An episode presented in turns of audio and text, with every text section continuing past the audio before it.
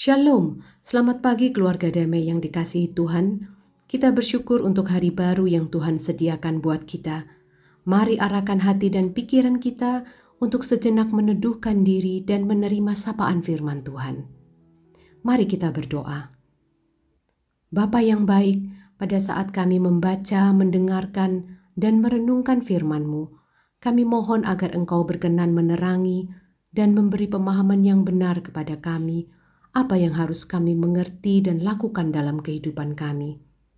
Terima kasih Tuhan. Dalam nama Tuhan Yesus, kami berdoa. Amin.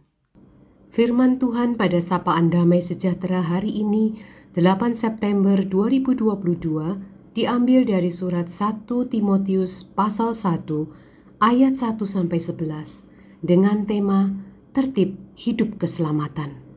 Demikian firman Tuhan. Dari Paulus, Rasul Kristus Yesus menurut perintah Allah, Juru Selamat kita, dan Kristus Yesus dasar pengharapan kita, kepada Timotius, anakku yang sah di dalam iman, kasih karunia, rahmat, dan damai sejahtera dari Allah Bapa dan dari Kristus Yesus Tuhan kita menyertai engkau.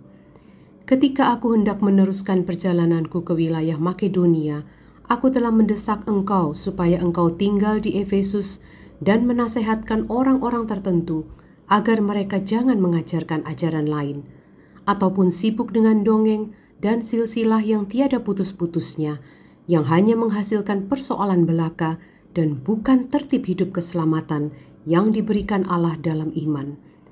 Tujuan nasihat itu ialah kasih yang timbul dari hati yang suci, dari hati nurani yang murni, dan dari iman yang tulus ikhlas tetapi ada orang yang tidak sampai pada tujuan itu dan yang sesat dalam omongan yang sia-sia. Mereka itu hendak menjadi pengajar hukum Taurat tanpa mengerti perkataan mereka sendiri dan pokok-pokok yang secara mutlak mereka kemukakan. Kita tahu bahwa hukum Taurat itu baik kalau tepat digunakan, yakni dengan keinsafan bahwa hukum Taurat itu bukanlah bagi orang yang benar, melainkan bagi orang durhaka dan orang lalim bagi orang fasik dan orang berdosa, bagi orang duniawi dan yang tak beragama, bagi pembunuh bapa dan pembunuh ibu, bagi pembunuh pada umumnya, bagi orang cabul dan pemburit, bagi penculik, bagi pendusta, bagi orang makan sumpah, dan seterusnya segala sesuatu yang bertentangan dengan ajaran sehat, yang berdasarkan Injil dari Allah yang mulia, dan maha bahagia seperti yang telah dipercayakan kepadaku. Sobat Samas yang dikasihi Tuhan, bacaan kita pada pagi hari ini mengisahkan bagaimana Paulus mengutus Timotius ke Efesus. Timotius adalah anak rohani Paulus yang sudah bertahun-tahun dibimbing oleh Paulus. Pada surat 1 Timotius pasal 1 ini, Timotius diutus oleh Paulus ke gereja-gereja di Efesus karena di sana banyak pemimpin-pemimpin gereja yang sesat. Mereka mempunyai pandangan yang salah tentang Yesus, dan pengajaran mereka tidak sesuai dengan pengajaran Yesus dan para rasul. Di ayat 4 dapat kita baca, mereka sibuk dengan dongeng dan silsilah yang tiada putus-putusnya.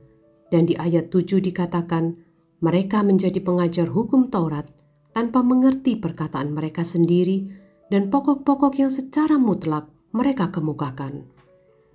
Paulus juga mengingatkan bahwa dengan banyaknya klinik, penyembahan berhala dan lain-lain, hal-hal tersebut mempengaruhi pengajaran kekristenan di sana. Di ayat 8 sampai 10 Paulus menegaskan bahwa hukum Taurat bukanlah cara untuk mendapatkan keselamatan. Hukum Taurat adalah untuk mengkoreksi dan memberitahukan kepada kita bahwa kita adalah seorang yang berdosa seorang pendosa yang membutuhkan juru selamat. Ada kalimat yang menyatakan demikian. Di bawah hukum Taurat, seorang yang paling baik bisa dihukum, tetapi di bawah Injil, seorang yang terburuk bisa dibenarkan jika dia percaya kepada Kristus. Efesus 2 ayat 8 sampai 10 menyatakan demikian. Sebab karena kasih karunia kamu diselamatkan oleh iman, itu bukan hasil usahamu, tetapi pemberian Allah. Itu bukan hasil pekerjaanmu, jangan ada orang yang memegahkan diri. Karena kita ini buatan Allah, diciptakan dalam Kristus Yesus untuk melakukan pekerjaan baik yang dipersiapkan Allah sebelumnya. Ia mau supaya kita hidup di dalamnya. Perbuatan baik tidak bisa menyelamatkan kita, karena kita tidak akan mampu melakukan apa pun yang baik yang berkenan kepada Allah. Perbuatan baik kita tidak akan pernah memenuhi standar Allah. Jadi, perbuatan yang baik tidak menghasilkan keselamatan, tetapi keselamatan bisa menghasilkan perbuatan yang baik. Sobat Samas yang dikasihi Tuhan, apa kelanjutan dari setelah kita menyatakan bahwa kita sudah percaya kepada Kristus? kita tidak berhenti kepada percaya saja, tetapi kita harus hidup di dalam tertib hidup keselamatan yang diberikan Allah dalam iman, seperti yang tertulis di ayat 4b. Seperti apa tertib hidup keselamatan itu? Pada Alkitab Bahasa Indonesia masa kini, tertib hidup keselamatan diartikan memajukan rencana Allah yang hanya dapat dikenal melalui percaya kepadanya. Rencana Allah itu adalah rencana keselamatan. Dan orang-orang yang percaya kepada Tuhan dan mau terus belajar, membaca dan mendengarkan firman Tuhan yang benar akan menghasilkan seperti yang tertulis di ayat 5, yaitu hati yang suci, bersih dan murni, hati nurani yang baik, hati nurani yang murni, dan yang ketiga iman yang tulus ikhlas. Semua diubahkan dari dalam diri kita terlebih dahulu, yaitu hati yang suci, hati nurani yang murni, iman yang tulus. Dan semuanya ini pada akhirnya harus kita implikasikan di dalam kehidupan nyata kita kepada orang-orang di sekitar kita, dalam berbuat baik, dalam mengasihi sesama, dalam menceritakan Injil kabar baik kepada sesama. Inilah tertib hidup keselamatan itu yaitu hidup di dalam rencana keselamatan Allah oleh iman yang mewujud nyata dalam kehidupan kita sehari-hari.